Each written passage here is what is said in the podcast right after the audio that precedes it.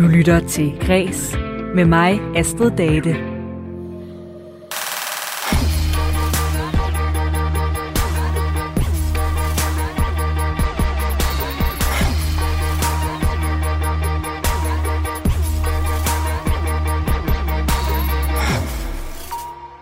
Comedybranchen har som øh, mange andre været økonomisk ramt af coronanedlukning, og komikere de har måttet finde nye måder at optræde på, for eksempel virtuelt øh, online. Men et nyt show af komikeren Bo Burnham her, han har øh, været med til helt at genopfinde comedy-genren. Det mener Soundvenues filmredaktør Jakob Ludvigsen, som øh, jeg får besøg af i dag, hvor jeg også skal snakke med stand-up-komikeren Thomas Hartmann om, hvordan coronaåret har påvirket hans arbejde og tilgang til humor. Vi skal også høre, hvordan operans nye chef vil gøre den til verdens bedste, og så er vores musikanmelder Thomas Elmastri klar med ugens alternative banger. Mit navn er Astrid Date. Velkommen til Kreds.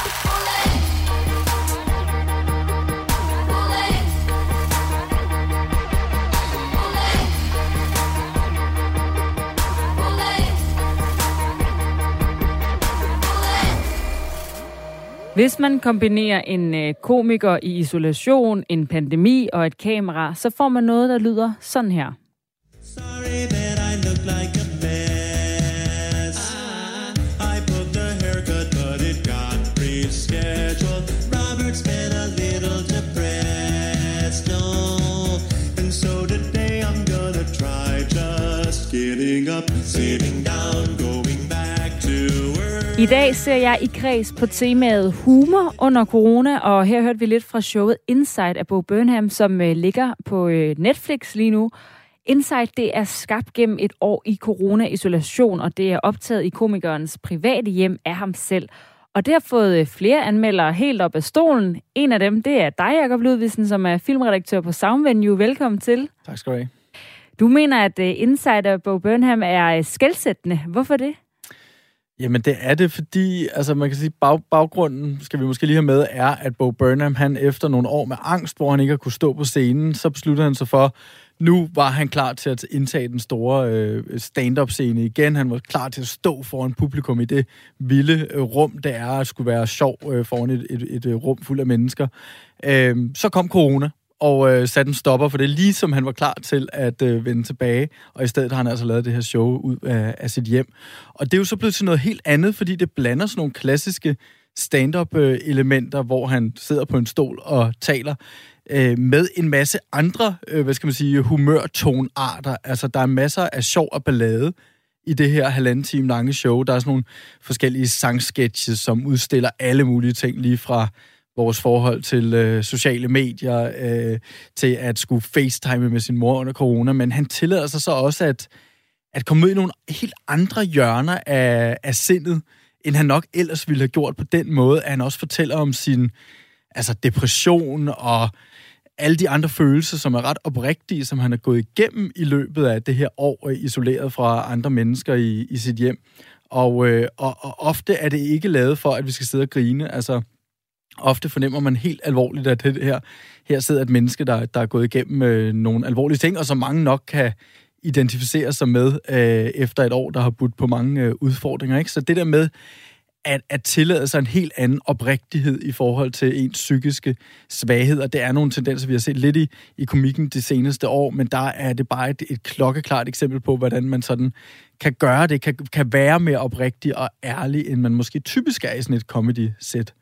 Så når du siger, at det er anderledes, end hvad man ellers har set, så er det fordi, at det er comedy, hvor at man ikke skal grine, lyder det nærmest som om. Jo, man, man griner bestemt undervejs, men der er bestemt også perioder, hvor du sidder med alle mulige andre følelser af klaustrofobi, af, af nedslåenhed, af opgivenhed, af, af fremmedgørelse over for, for en verden, hvor at vi har oplevet hele virkeligheden gennem vores skærme i, sådan primært det seneste år, som også sætter sig, synes jeg, urovægtende i kroppen på en helt anden måde, end comedy normalt gør, fordi at stand-up jo sådan typisk vil have den her forløsende punchline, som lige tager al, øh, alt det der, det der følelse af ubehag ud af os. Ikke? Det får vi ud med latteren, men, men det gør vi bestemt ikke altid her. Det er også øh, det er meget øh, altså sådan en catchy show, det er et sjovt show, men det er også urovækkende. Jeg har et eksempel på et nummer, hvor at han øh, stiller spørgsmålstegn ved, hvad han som hvid mandlig komiker egentlig har at bidrage med. Det kommer her. I'm a special kind of white guy. I self-reflected and I wanna be an agent of change. So I am gonna use my privilege for the good. Very cool, way to go. American white guys. We've had the floor for at least 400 years. So maybe I should just shut the fuck up.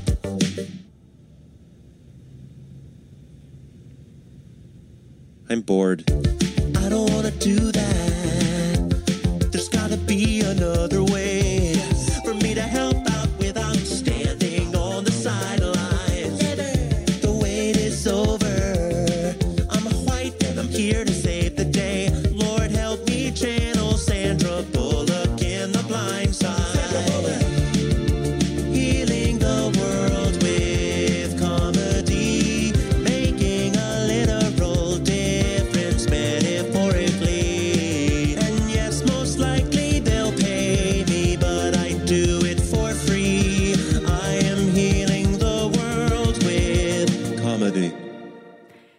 Er det, øh, der er særligt ved det her nummer?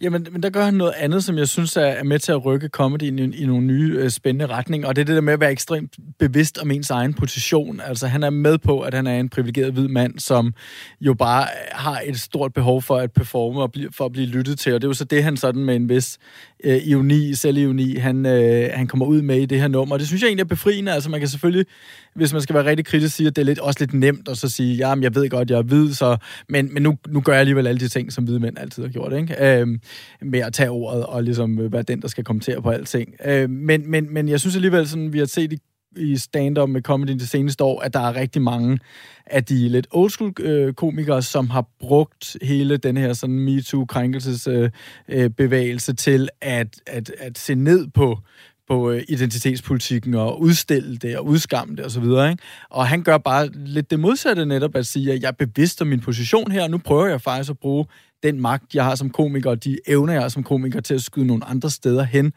øh, fordi jeg godt ved, at, at, ja, at, at verden er under, under forandring. Ikke? Så de ting, han gør grin med, er mere, altså et nummer, der hedder White Woman's Instagram, som handler meget om den der sådan, ja, privilegerede hvide mennesker, som ikke har de store øh, problemer i verden, og, og, og, sådan, hans, og, og, og, og fluffy reklamefolk, der prøver at, at lade som om de gør noget godt for, for verden, men i virkeligheden jo bare vil sælge et produkt, og sådan den type ting retter han så blikket mod i stedet, og det, det synes jeg virkelig er, er skønt at se. Ja, så ja, hvis du lige vil uddybe det egentlig, altså hvad er det ligesom, øh, der er forskellen på øh, comedy, hvad kan man sige, før og efter? Altså hvad er det i forhold til, hvad han gør anderledes, for eksempel identitetspolitikken og MeToo og sådan nogle emner, der er fyldt meget, at, øh, at så, så bliver comedyen brugt til at se ned på det, hvor hvad er det, altså, hvad er det, han gør? Hvordan forholder han sig til emnerne i stedet? Jamen, det, men det gør han ved, ved dels at være sådan bevidst om sin egen position og synge om, hvad, altså gør komikken overhovedet nogen forskel i den her verden, hvor, hvor der er så mange problemer efter et år, hvor at der måske ikke har været så meget grine af. Altså, og her kommer jeg som komiker så og egentlig bare vil, vil underholde, og, og jeg vil gerne lave noget satire på verden og sådan noget, men, men spiller det overhovedet nogen rolle? Og det er jo det, han synger om i det nummer, vi lige, lige hørte øh, lidt om nu her på en jo meget sådan sjov øh, og ironisk øh, måde. Ikke? Og så, men så synes jeg, han lever op til det, fordi at han ikke gør det, som mange komikere har gjort de seneste år, som er sådan noget øh, øh, komik, der går på, åh, hvor er det også latterligt øh, med det her LGBTQI og, og alle de her bogstaver, vi ikke kan finde ud af, og det, ej, og nu må vi ikke sige noget mere. Og alle de her sådan, det, det, det blev sådan nogle lidt kliché-reaktioner på identitetspolitikken, som jeg synes, der har været i komikken, hvor han bare viser, at det kan sagtens være, være, være sjovt, øh, selvom man, at, at man skyder sit komiske skyts et, et andet sted hen. Og det, det er han ikke den eneste komiker, der har gjort de seneste år. Øh, så det er ikke kun der, at showet er skilsættende. Det er så i, i, hvad skal man sige, i samklang med hele måden, det er lavet på, i, i hele det her altså hjemmebrygget format, hvor at han selv har klippet og filmet og sat lys og det hele. Øhm, men, øh, men, men det er alligevel sådan en del af en, en bevægelse, hvor, at, hvor jeg synes, man ser, at komikken kan sagtens finde et sted at stå på, øh, også sådan post, uh, MeToo, post-identitetspolitik.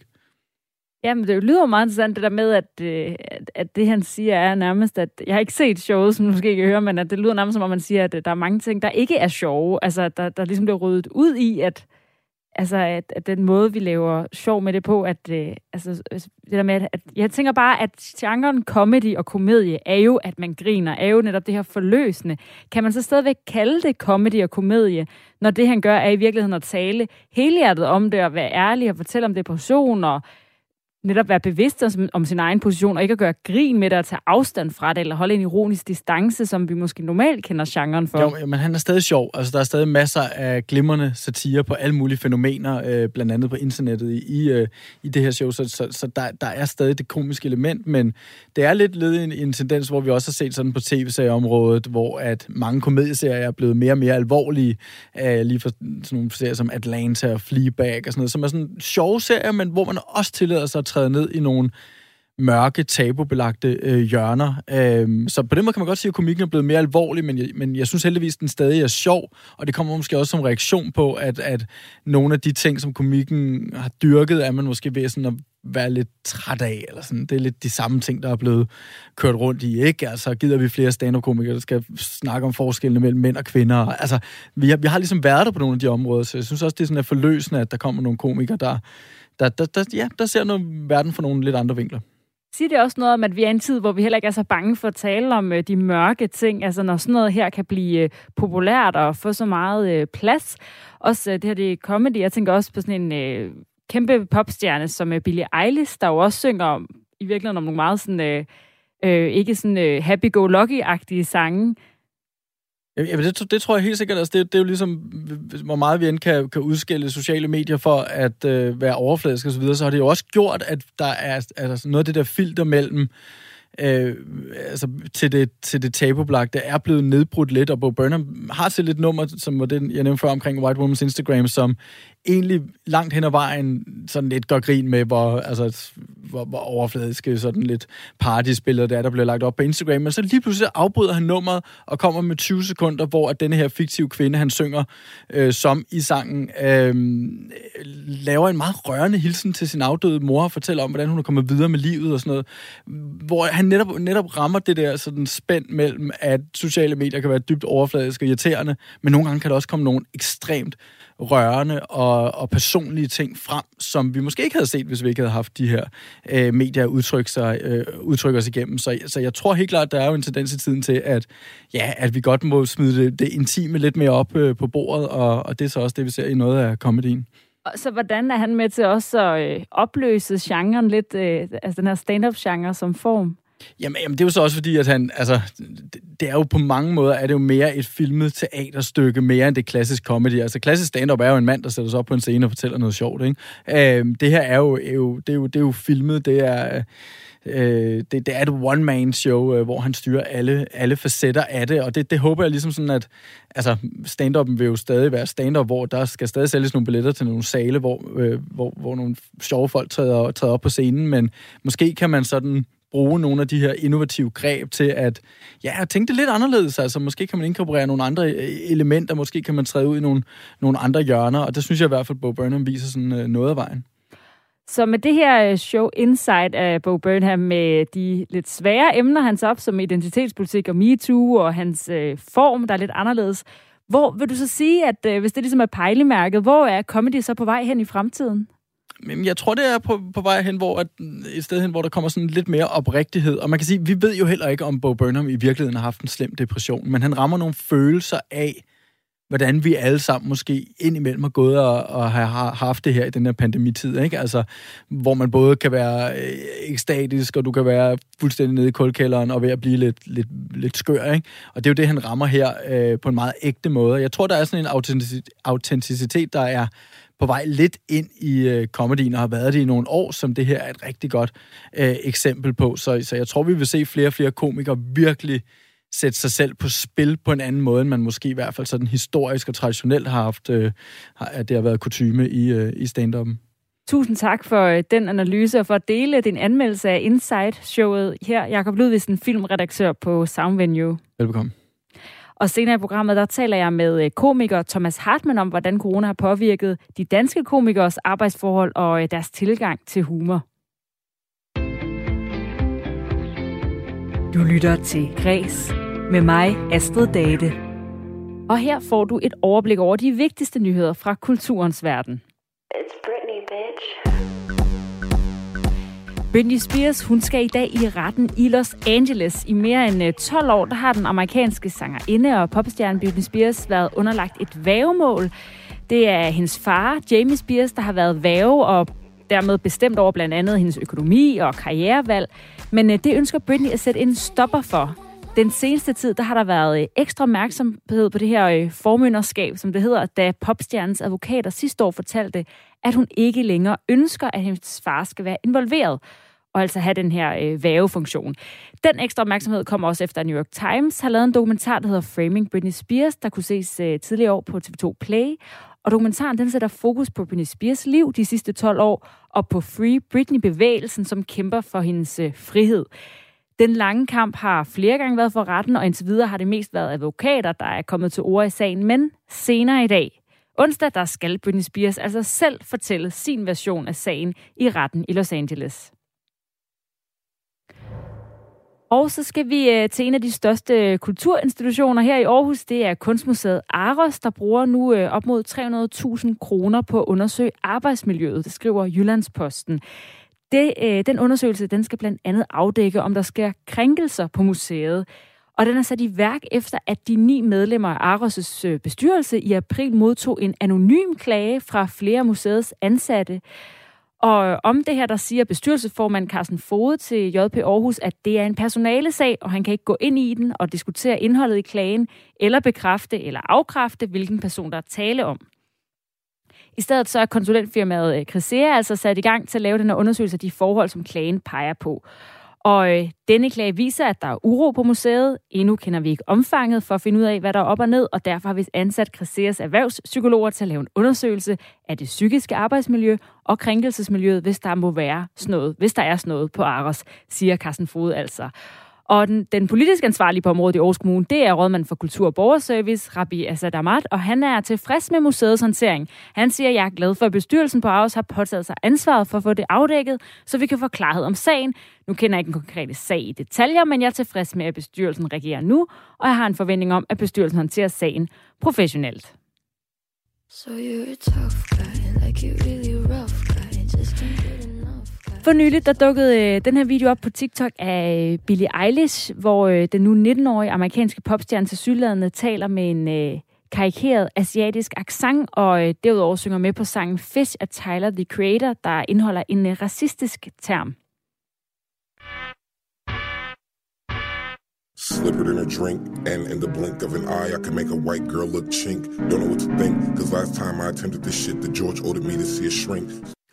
Det har øh, Billie Eilish nu reageret på via sin Instagram-story. Det er, hun skriver der, at det, det er en video af mig, hvor jeg var 13 eller 14 år gammel og sang med på en sang, som jeg ikke vidste indeholdt et ord, der var nedsættende mod asiater. Jeg vemmes, skammer mig, og jeg har lyst til at kaste op over, at jeg nogensinde sang med på det ord, skriver hun øh, blandt andet ifølge Soundvenue.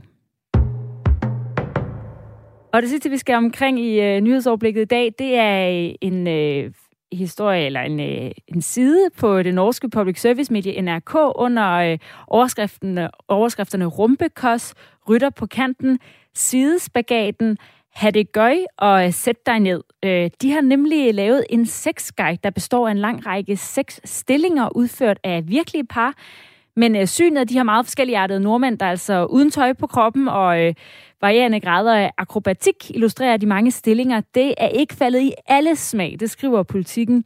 Licensmediet modtog knap 100 klager over guiden, der blev publiceret på mediets hjemmeside øh, inden for de første fem dage, efter at det var kommet ud. Men øh, redaktionschefen, han, han er altså ikke øh, enig i kritikpunkterne, og siger, vi viser ingen kønsorganer. Vi har taget billederne på afstand, og så vi gjort dem sort-hvide for at adskille dem fra porno, siger redaktionschefen altså, som også tilføjer, at parren ikke har rigtig sex på billederne. Den her kontroversielle guide, den indeholder 60 sexstillinger, altså billeder af dem, og øh, dem kan man se, og så kan man klikke af, om øh, man vil se dem, hvor det er godt, hvis man har ondt i knæene, eller hvis man er gravid, eller hvis man har ondt i ryggen. Og det findes altså på NRK's hjemmeside. Du lytter til Græs med mig, Astrid Date.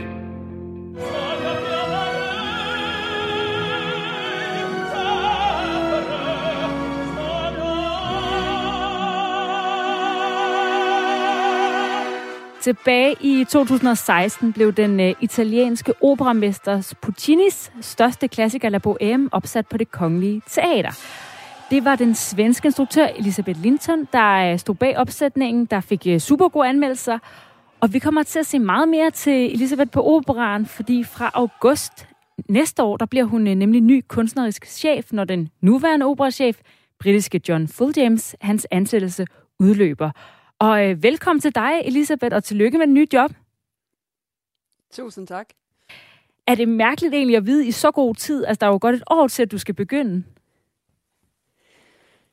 Ja, lidt mærkeligt måske, men også rart, fordi øh, så får jeg for det første øh, tid til at afvikle eller afrunde, sige farvel til, til øh, mine opgaver på Malmø hvor jeg arbejder nu, og så får jeg især øh, tid til at sætte mig grundigt ind i i operan og møde alle medarbejdere og forstå, hvordan den organisation, som jo er stor og kompleks, fungerer, før jeg starter. Så det, på en måde er det jo enormt rart også. Ja, for du arbejder jo i øjeblikket som øh, chefdramaturg på Malmø Opera. Så hvad har fået dig til at tage jobbet hos øh, den kongelige danske opera? Jamen, det var faktisk ikke helt øh, en nem beslutning, og beslut, øh, hvor jeg besluttede mig for at søge, fordi jeg er enormt glad for mit job på Malmø Opera, og trives enormt godt der. Men Altså, det Kongelige Teater er jo øh, et absolut fantastisk sted, en fantastisk kunstinstitution, og, og virkelig teateret i mit hjerte, og, og øh, ret unik i Skandinavien i hvert fald med sine fire øh, kunstarter, og så operan især så med sine tre kunstneriske ensembler, som er øh, enormt øh, stærke. Så, så det var en øh, afgørende anledning. Og det var en øh, enstemmig bestyrelse hos øh, det Kongelige Teater, der øh, altså pegede på dig til øh, det, til det her job. Og Bertel Hårder, der er formand for bestyrelsen, han sagde, at øh, det var et utroligt stærkt ansøgerfelt, hvilket vi glæder os over at se og tager som et udtryk for, at den kongelige operas rygte er stærkt. Og Elisabeth Linsen øh, overviser os om, at hun med sin erfaring, flid og kærlighed til opgaven kan gøre den kongelige opera til den allerbedste i verden. Så øh, spørgsmålet er jo, hvordan vil du gøre den kongelige opera til en af verdens bedste? Ja, det er ikke, nogen, det er, ikke, det er ikke en lille opgave. Øh, men man kan sige, at jeg overtager jo også virkelig noget, som er enormt velfungerende. John Full James øh, har jo øh, udvidet antallet titler, øh, startet enormt mange øh, samarbejder med, med andre operahus, og det er jo virkelig et, et velfungerende hus, som jeg overtager. Så på den måde, så skal jeg jo bygge videre på det, det der er. Øh, og selvfølgelig har jeg mange idéer, men først og fremmest så skal jeg komme ind i huset og lytte efter til den, øh, den erfaring og den kunde og de idéer, som findes her, og så skal vi matche vores idéer og gå videre sammen. Er der noget, du tænker, der kunne ændres på den kongelige opera i dag, som kunne gøre det bedre? Jeg tror, jeg tror simpelthen, at jeg skal ind i huset, før jeg tager svare på det spørgsmål. Så det må jeg komme tilbage til om et år. Det er også i orden. Og øh, i, øh, i, i rammeaftalen for det kongelige teater, de har en fireårig rammeaftale, der er, den blev indgået i december, og der er teater også forpligtet til at nå nogle nye målgrupper ved hjælp af andre strategier. Hvad er det for nogle øh, nye målgrupper, som øh, du tænker, du gerne vil henvende dig til? Jamen for eksempel kan jeg sige, at lige nu faktisk, så har jeg listet ud fra, øh, fra en prøvesal på operan, hvor vi har workshop med 60 børn, øh, som ansøger om at være med i Matilda the Musical, som vi skal have premiere på 22 øh, i januar 22. Øhm, som jo faktisk på mange måder lever op til det her. For det første så er det en musical, øh, som jo det kongelige teater nu øh, bare her det inden for det sidste år har fået lov til at begynde at spille, øh, som jo på, for mange er en en øh, indkørsput, hvad det nu hedder på dansk. Altså der, derfor man, man kan, man, det er måske øh, det første, man kommer ind og se, og så bliver man sulten til at komme ind og se en opera bagefter. Så er der også nogen, som bare elsker os i musical og kommer til at blive ved med at se det. Men Matilda the Musical er også en ret fantastisk og speciel musical. Det, det er børn på scenen, den handler om børn, den handler om, at selvom du er lille, så kan du lave en forskel. Øhm, så man kan sige, at vi, og det er en forestilling faktisk, som er købt fra Malmø Opera. Når vi spillede den i Malmø, så, så var publikum simpelthen fra 5 år til 105. Øhm, så så det, er, det er en titel, der virkelig vender sig til børn, til børnefamilier, men også til ældre og til dem, som måske øh, rigtig gerne vil komme ind på det kongelige teater, men ikke rigtig tør tage skridtet til at se en fuld opera endnu. Så den her Matilda the Musical, som øh, ja, er en slags familieforestilling, kan man måske kalde det, der har premiere på det Kongelige Teater i øh, 2022 øh, på Gamle Scene. Den skal være med til at lokke, altså som du siger, at, øh, at øh, musical-genren, det kan vække lidt appetit for opera. Ja, ja, det vil jeg sige. Og jeg vil sige, det er øh, absolut for familier, men jeg vil næsten sige, det er en musical for små og store og voksne børn. Jeg ved mange øh, voksne, der er gået ind og set den uden børn, og har haft en fantastisk oplevelse. Opera, det kan jo for nogle af vores lyttere måske virke ret gammeldags. Er det et, et ry, der skal ændres? Ja, det synes jeg. Fordi jeg tror, at dem, som synes til gammeldags, det er oftest dem, som ikke rigtig har oplevet god opera. Øh, som ikke nu har stiftet bekendtskab til det. Jeg synes, det, jeg hører mange sådan nogle fordomme, fordomme ofte, især fordi jeg jo øh, elsker opera. Opera har været så stor del af, øh, af mit liv så længe. Øh, så jeg har jo, jeg, jeg er jo en, et af de der børn, som har elsket opera også, siden jeg var barn, simpelthen. Og derfor har jeg jo igennem livet altid øh, talt med venner, som siger, hvorfor kan du lide det, og hvad, hvad er det med det? Og min erfaring er, at alle oftest, så er det mennesker, som faktisk ikke har været inde og se en opera, som synes, at det er gammeldags, og som synes, at det er mærkeligt. Så, så en kæmpe opgave er selvfølgelig at sørge for, at vi kan øh, sänka trösklarna, som man säger på svenska. Alltså, ehm, um, ni bryder de synlig barriere. Sørge for, at det er nemmere at komme ind, og måske skal man ikke starte med den fem timer lang forestilling, men faktisk starte i, i et mindre e, event, eller en mindre, mindre projekt, mindre forestilling, for at ligesom få en første lille smagsprøve og sige, ah, det var faktisk, det var noget, som, som sagde mig noget, så tør jeg tage et skridt videre. Og hvordan skal man, øh, fordi ja, det handler om at lave nogle forestillinger, lyder som om der er lidt øh, for begyndere i virkeligheden, for at lokke dem ind.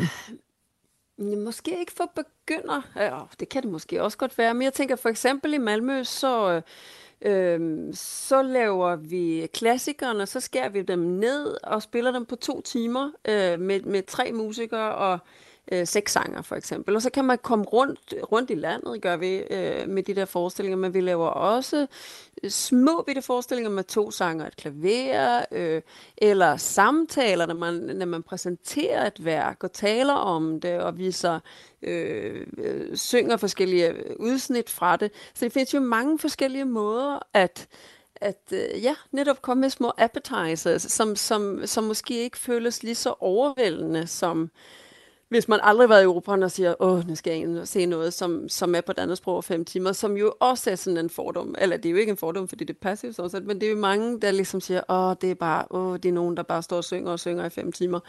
Mm, og det kan måske lyde skræmmende, før man overhovedet har duftet til det. Så jeg, jeg tænker, at det, det vigtige bliver at øh, både virkelig øh, give noget og tilfredsstille dem, som som allerede er indvidet, som allerede er passionerede operaelsker, og så også øh, sørge for, at der er netop smagsprøver, som gør, at man får smag på det og tør at gå ind og se de andre ting.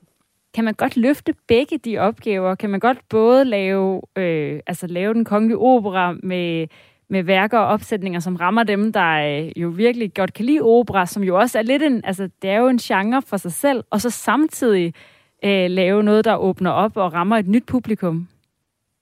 Det mener jeg bestemt. Det, det synes jeg ikke er en modsætning. Man kan sige, at alt, alt vi skal lave, skal selvfølgelig have et, et, et øh, højt kunstnerisk niveau. Og det er uanset om det er en sang og et klaver, eller om det er en stor vagnopera. Hvad, hvad ser du sådan, bliver din største sådan, udfordring, hvis man kan tale om det, øh, ved at starte på øh, det kongelige teater? Jamen, det er nok det, som jeg var inde på fra starten, og det er jo det er en øh, stor, kompleks øh, opgave, fordi det er de her tre øh, huse og fire kunstarter, der skal samarbejde, og, og ressourcerne skal selvfølgelig være til alle, men det skal også øh, afstemmes, hvem der bruger hvad, hvornår, og der, der bliver rigtig mange øh, der bliver rigtig mange nye ting, som jeg skal øh, lære og forstå, altså rent øh, overordnet, hvordan det fungerer. Så det tror jeg bliver en stor opgave. Og hvad så indtil du starter? Det er jo så først i august næste år. Hvad skal du lave indtil da? Jamen, der fortsætter jeg på Malmø Opera med de ting, som jeg nu øh, arbejder med der, netop med at, at være dramatur for forestillinger. Øh, øh, jeg sidder i, ledelsesgruppen, med den kunstneriske ledelsesgruppen, og så skal her til efteråret kommer vi til at lave en operette teaterkoncert på Malmø Opera, og bagefter kommer jeg så til det kongelige teater og lave Matilda. Så der er nok at se til. Tusind tak, at, øh, fordi du så også har tid til at være med her, Elisabeth Linsen, og held og lykke med det kommende nye job som kunstnerisk chef for Operaren. Tusind tak. Du lytter til Græs med mig, Astrid Date. Den 26-årige sanger Carl William, han udgav et nyt nummer i øh, fredags, der hedder Comfortable. Og selvom sangen tager udgangspunkt i nogle tunge omstændigheder, det øh, pludselige tab af hans mor i januar og om sorgen og livet sådan helt generelt, så er det måske samtidig bud på en sang, der kan sætte gang i dansegulvet denne sommer. Den har nemlig også nogle undertoner af at være danceable, som Carl William selv siger til DR.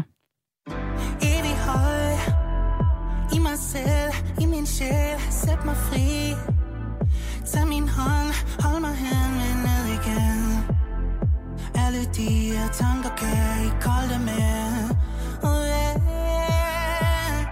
Tidligt op, jeg prøver bare at leve. Du må fortælle, hvordan jeg gør, for kan jeg ikke se det.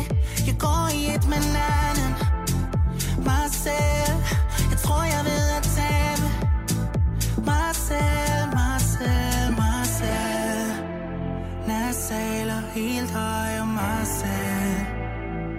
jeg ændre noget, jeg nok gjort det. Kan I gemme mig for mig selv og min sjæl. Mig selv.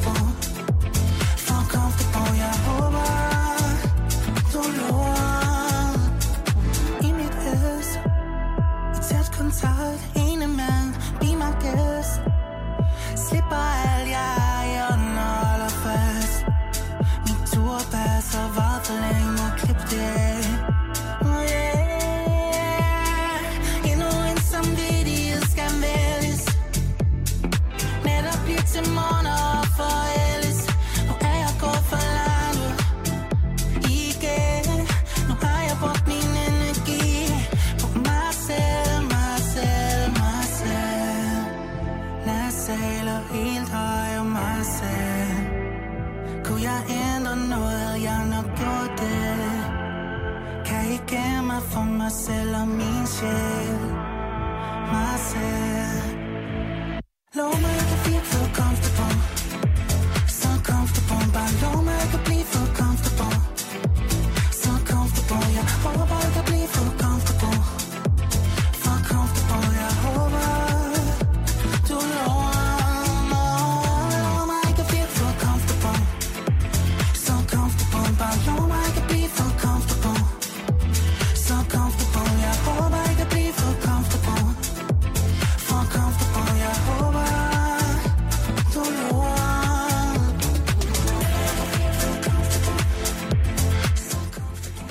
Ja, der fik vi altså lige øh, Carl Williams øh, nye single Comfortable. Og nu skal jeg tilbage til dagens tema her i Kreds, der er øh, humor under corona. Det er et tema, jeg kigger på, fordi Bo Burnham er aktuel med showet Inside på Netflix. Et show, der skabte i hans eget hjem på baggrund af et år i isolation. Og nu skal vi tale om, hvordan corona har påvirket danske komikere og humor herhjemme. Velkommen til dig, Thomas Hartmann, stand-up-komiker og manuskriptforfatter. Tak skal du have. Hvordan har corona påvirket dit arbejde som øh, komiker? Jamen, i en periode var det jo fuldstændig lagt ned, og det er en uh, ejendomlig situation at befinde sig i som komiker, fordi det er jo nok den kunstform, hvor man er mest integreret i kunsten, altså hvor, hvor kunstneren er i højst grad lige med ens egen identitet. Ikke? Og det der med ikke at have en traditionel platform at komme ud med det på, det, øh, det, det var noget, man lige skulle omstille sig til. Ja, og hvad så? Hvordan, øh, hvad gjorde du så? Jamen, jeg var faktisk en af de første, der tog chancen og begyndte at lave online comedy shows, hvilket jo, altså, det er jo paradoxalt, fordi det er noget, man ville have sagt kategorisk nej til for to år siden, ikke? fordi vi jo i høj grad lever af det der det samspil, der er med publikum, den respons, vi har fra dem. Det er jo en, en energi, der opstår i rummet, hvor vi hele tiden skal læse dem og deres input og afpasse vores timing efter det. Men der har jeg bare den indstilling, at når nu det var det, man havde at arbejde med, jamen så, var det, så ville jeg hellere gøre det end ingenting. Og så fandt jeg ud af hen ad vejen, at det var faktisk ikke så slemt, som man kunne frygte. Men jeg vil så også sige, at det, er nok, det fungerer nok bedre nu, end det ville have gjort inden corona. Fordi folk i høj grad har vindet sig til at interagere på den måde. Og hvad fungerer så godt ved det, i forhold til, hvad du frygtede? Altså, man, øh, man slipper jo for en masse kørsel. Der er noget ret praktisk ved det. Man risikerer ikke at komme for sent til et online job. Øh, men lige så snart man ligesom har knækket koden og sagt, det er ikke den sådan traditionelle setup punchline opbygning, der fungerer bedst her. Det er mere de sådan lidt mere langvarige anekdotiske bidder, ikke? Så det bliver nærmest mere storytelling end, end traditionel stand-up. Men det var jo så en udvikling, som, som dansk stand-up og stand-up i det hele taget under alle omstændigheder var på vej i den retning. Ikke? Er det også en udvikling, som øh, vi ser i øh, Bo Burnhams show Inside på Netflix, som øh, ja. vi har snakket om her i Kreds i dag, som øh, også forholder sig til nogle temaer som ensomhed under corona, og som du siger, også måske laver lidt mere et show, hvor man jo ikke er så afhængig af den der direkte respons, fordi der ikke er et publikum, der sidder lige foran. Han har jo som sagt filmet det derhjemme, ikke? Ja. Hvordan øh, i forhold til emner og sådan noget, er corona et emne, som du og andre kunstnere forholder jer til, når I så skal til at lave materiale nu? Det er nærmest umuligt at lade være. Fordi det er jo nok den største ting, vi alle sammen har haft til fælles i øjeblikket. Det er jo et enkeltstående tema, der har fyldt. nærmest. Undskyld, jeg ja. ja. Jamen, det er, det er jo noget, der har fyldt så meget i vores allesammens hverdag. Det er nærmest det, alle andre ting har været hængt op på. Ikke? Hvad, hvad er nu tilladt? Hvad er muligt? Så det vil være underligt ikke at nævne det. Og, og det giver jo en helt ny fælles referenceramme for alle. Ikke? Når det så er sagt, så er det også utrolig farligt at kaste sig ud i ligesom at tage stilling til regeringens håndtering af det og restriktioner og den slags, fordi meningerne er jo så skarpe, og, og, og befolkningen er så polariseret i øjeblikket, at hvis du laver nogle jokes, de kan være nok så sjove, men hvis de får nogen i salen, eller ja, på Teams-mødet eller Zoom-mødet, har den forkerte indstilling, jamen så har du bare hægtet de mennesker af med det samme. Ikke? Og hvordan... Så, så altså min, mit take på det har været bare sådan at, øh, at fortælle folk om mine subjektive oplevelser med det at være at være spærret inde og, og være afskåret fra at udføre mit arbejde. Jeg har lavet en masse dobbeltshows sammen med, med Torben Chris, og han har jo været i, i karantæne med børn, og jeg har været i karantæne uden børn, og det giver altså i sig selv en ret skæg kontrast. Ikke? Og hvordan fungerer det så bedre i et uh, online-univers? Du siger, anekdotiske fortællinger, de er bedre. Hvordan det? Det er simpelthen lettere at holde folks opmærksomhed, fordi det er, historien gør, at der er en grund til, at man fortæller det der er ikke på samme måde en grund til at stå og lave sådan helt korte setup punchlines jokes. Den begrundelse, de normalt har, deres eksistensberettigelse i, et, uh, i en stand-up sal, det er jo den umiddelbare respons fra publikum, og når den ikke er der længere, så kommer det bare til at virke utrolig sært. Og når man... Men som sagt, det var, det var jo en udvikling, der under alle omstændigheder var godt i gang, at det bevæger sig mere i den retning. Så det er ikke corona i sig selv, der har gjort, at øh, man har tænkt så anderledes i virkeligheden? Nej, jeg tror bare, det har forstærket en, en udvikling, der allerede var i gang. Der har jo også været en tendens til de seneste år, at der er blevet lukket mere og mere op for, for dybe emner, for tunge emner. Der er masser af shows om depressioner og selvmordstanker og den slags ting. Og det er jo, hvis du spørger mig, der humoren er allermest værd og har den vigtigste opgave, ikke bare for individet, men også for samfundet det er det øjeblik, at man får taget hul på nogle tabuemner, og man får holdt tingene lidt ud i strakt arm, og det fungerer som sådan en overtryksventil. Ikke? Og nogle gange så er det altså lettere at få sagt tingene med en joke, end det er at få sagt det fuldstændig straight. Og det er også nogle gange lettere at høre tingene formuleret som en joke, ikke? med et vis græn af sandhed.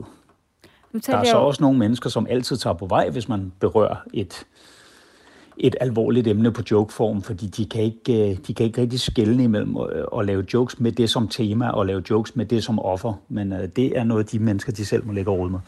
Ja, nu talte jeg jo med Jakob Ludvigsen, der er filmredaktør på Soundvenue, om, at, at, at hans oplevelse er, at emnerne bliver tungere, og man bliver mere... Øh, åbner op for de svære ting om identitetspolitik eller depression, eller ja, altså alt det, der er svært måske at snakke om og gøre lidt ondt og svært ja. at joke med, som du også siger. Oplever du, der er bedre plads til det, at der er blevet det? Ja og nej. Der er bedre plads i rundt regnet 98 procent af samfundet, og så er der de to sidste procent, som jeg lige var inde på, som ikke rigtig kan skælne, og de lider af det, jeg kalder emneforskrækkelse. Hvor lige så snart, at man tager hul på et vist emne, så, så tager de på vej over det. Ikke? Men det er jo ikke dem, vi skal indrette os efter. Jeg synes godt, at vi kan tillade os at sige, at de resterende 98 procent, de udgør samfundet som helhed. Og, det, og ja, der er heldigvis blevet større åbenhed omkring alt den slags. Det var jo før i tiden, der var det jo, der var det jo hofnarens opgave at sige de ting til og om regenten, som ingen andre måtte sige. Og dermed, du ved, få, øh, få taget luften lidt ud af tingene og få... Det er som om, at man får sådan en, en, en proxy-ventilation af frustrationer, når man hører nogle andre tale om det, ikke? og eventuelt sige de ting, man ikke selv kan sige. Og der tror jeg altså, kunsten som helhed, øh, det vil altså både musik og dæksamlinger og, og comedy og film og tv-serier, har fået større frihed og faktisk dermed også fået større betydning. Og også fået mulighed for at lave shows igen nu her efter en øh, lang coronanedlukning. Hvad kan vi som øh, publikum forvente os om at den øh, kommende sæson? Der er jo masser af aktuelle komikere med nye live shows. ja, øh, jeg tror faktisk basalt set, man kan sige, at det er det, I kan forvente. Fordi der er jo folk, der havde, der havde planlagt shows i foråret 2020, og i sommeren 2020, og efteråret 2020, og foråret 2021, og så fremdeles. Og det hele er blevet skubbet til efteråret 2021, hvor de shows, der var planlagt til at starte i 2021, de også ligger, så der kommer til at være altså et bonanza-agtigt udbud af comedy shows. Og der er det lige pludselig, at man skal passe på, fordi naturligvis virker det, som vi har været inde på, lidt underligt slet ikke at nævne corona og restriktioner og karantæne og alt det. Men man skal også bare passe på, når man er på turné samtidig med 12 af ens kolleger, at det ikke bare bliver mere af det samme. Ikke? Så ja, så når man, hvis man nu er sådan en virkelig kæmpe comedy-fan og, øh, og tager rundt til dem alle sammen, så tænker du måske godt, der kan være lidt genganger i det her, øh, når vi alle sammen kommer fra den samme coronavirkelighed. Ja, men det er jo fordi, der er gentagelser i vores hverdag. Og det hvad... er jo ikke noget mysterium, at to komikere kommer til at lave jokes, der minder om hinanden, hvis deres hverdag har mindet om hinanden Nej. til nærmest forveksling det seneste år. Og hvad har du selv planlagt? Jamen, jeg skal rundt sammen med Torben Chris og lave Mention 4, som vi i virkeligheden skulle have været afsted med i starten af september sidste år. Og vi tog så heldigvis konsekvensen og skubbede det et helt år med det samme. For der var flere af vores kolleger, som udskød deres turné to og tre måneder, og det har de så gjort fire-fem gange siden da. Ikke? Øh, og der var det altså lidt, øh, der var vi lidt mere pessimistiske, og det viste sig så desværre, at vi havde ret. At vi tænkte, at det her det kommer til at stå på et stykke tid. Ikke? Og det, det var jo faktisk et show, der var mere eller mindre klart, og som overhovedet ikke handlede om corona og restriktioner. Og det er ikke sådan, vi kommer til at skrive det hele om, fordi det er jo et temashow, der handler om dynamikken i parforhold set med mandens øjne. Ikke? Og til de, der ikke har set nogle af de tidligere shows, det skal siges, man skal ikke forvente de store forkromede takes på ligestilling og alvorlige emner. Det er sådan noget fjollede små ting, så, øh, som at kvinder tilraner sig plads på badeværelset og ting og sager. Ikke? Og den overordnede joke på det er i virkeligheden vores intolerance over for ting, der er absolut ligegyldige. Ikke? Og det hele det er lavet med utrolig meget kærlighed. Men det er da klart, at det seneste år har, af, det har farvet vores oplevelser en lille bit smule, ikke? Så, så det kommer jo til at snige sig ind over. Så det bliver sådan en, et corona-remix af et show, der egentlig var blevet til. Og nu har vi talt uh, lidt om indholdet af det, men hvis vi bare lige hurtigt også vender, hvordan har det så været sådan økonomisk at være komiker i den her tid? Det har godt nok ikke været sjovt. Og der er jo mange, der har været altså, afhængige af kompensationspakker, som først ikke rigtig kom, og dernæst ikke rigtig var til at gennemskue, og dernæst måske skal betales tilbage. Jeg har personligt været skide heldig, at jeg fik nogle skriveopgaver, der faldt sammen med, at alting blev lukket ned. Ikke? Så jeg har kunnet holde skinnet på næsen. Og øh, der, er, altså, der er nogle af mine kolleger, der har haft et virkelig hårdt år. Og der håber jeg da inderligt, at publikums sult efter at komme ud og opleve noget, den står mål med vores sult efter at komme ud og optræde. Så der kan blive langet nogle billetter over disken. Ikke? Og der er i hvert fald øh, masser af muligheder for det, for eksempel med Ja, det- det det din turné på. med Torben Chris. Tusind tak for det, Thomas Hartmann, stand-up-komiker og øh, manuskriptforfatter her, især under coronatiden. Ja, selv tak. Du lytter til Græs med mig, Astrid Date. Arti Artit og øh, Casey er her. De, øh, de er her stadig. De ligger på øh, toppen af de danske hitlister, der bliver opdateret her om onsdagen. For det ligner, at hun nyder, at jeg er her.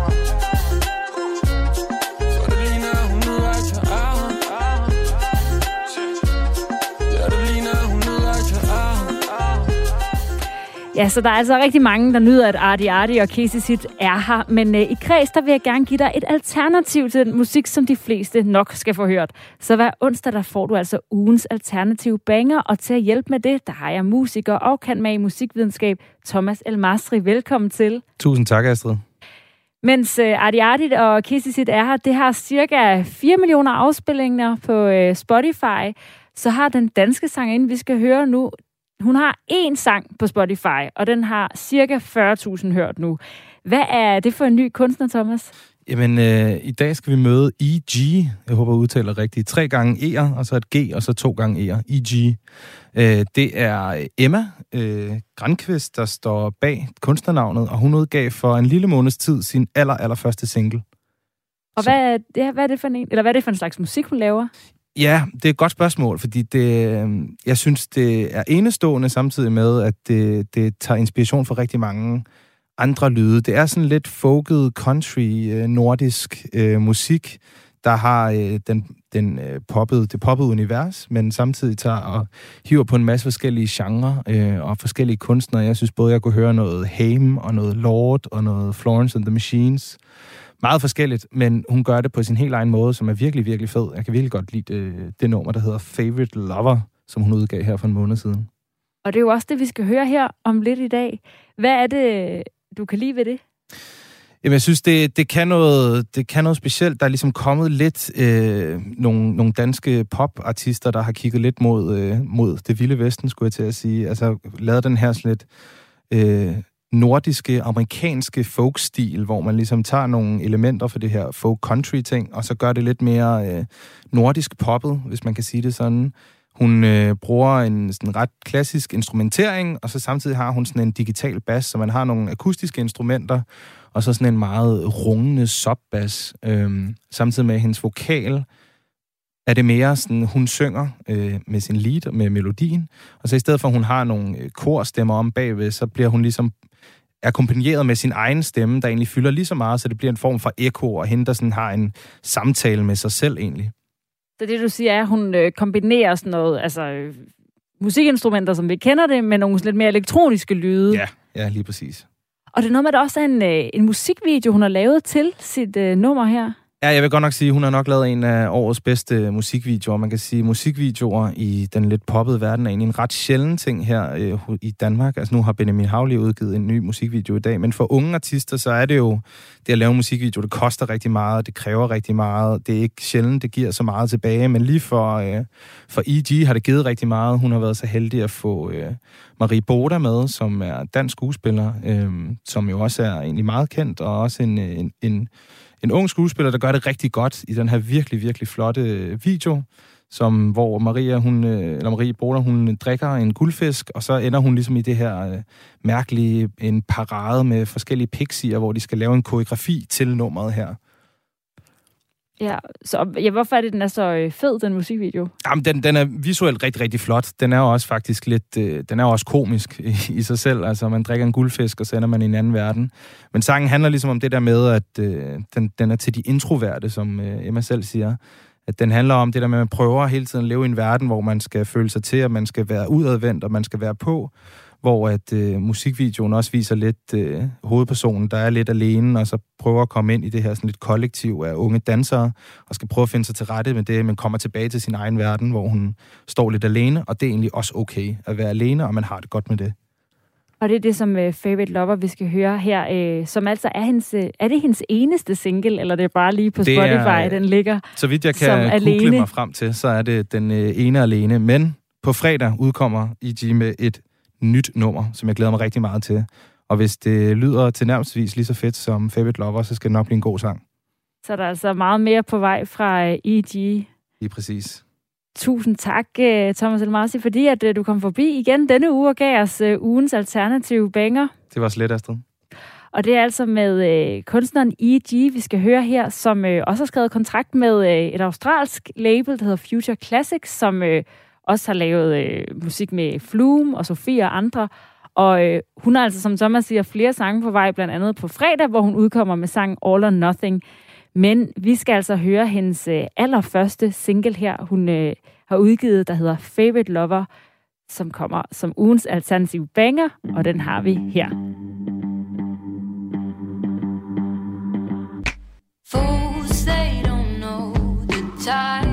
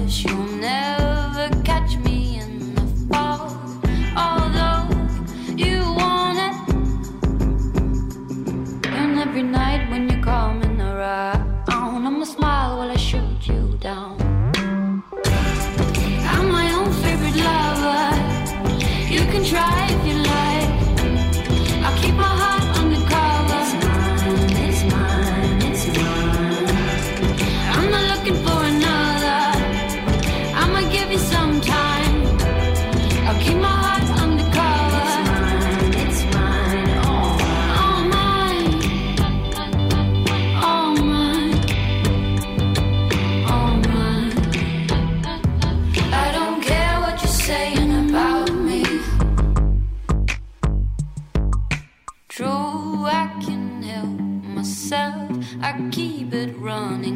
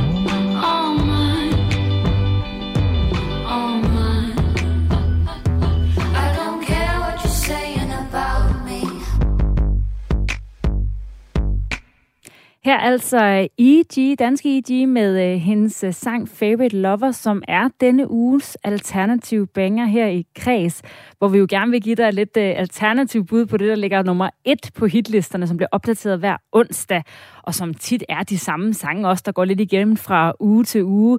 Så kommer der altså med nogle, øh, noget nyt inspiration her, og vi skal have meget mere musik igen i morgen i Kreds, hvor jeg får... Øh, besøg af en, der skal gennemgå nogle øh, sommerhits med mig. Vi kigger faktisk helt tilbage på til 70'erne og ser, kigger hen over øh, sommerhittet, der har været hvert år. Altså, hvad har vi hørt allermest øh, hver sommer, når, øh, når der skulle have været øh, en sang, der ligesom skal sætte gang i festen?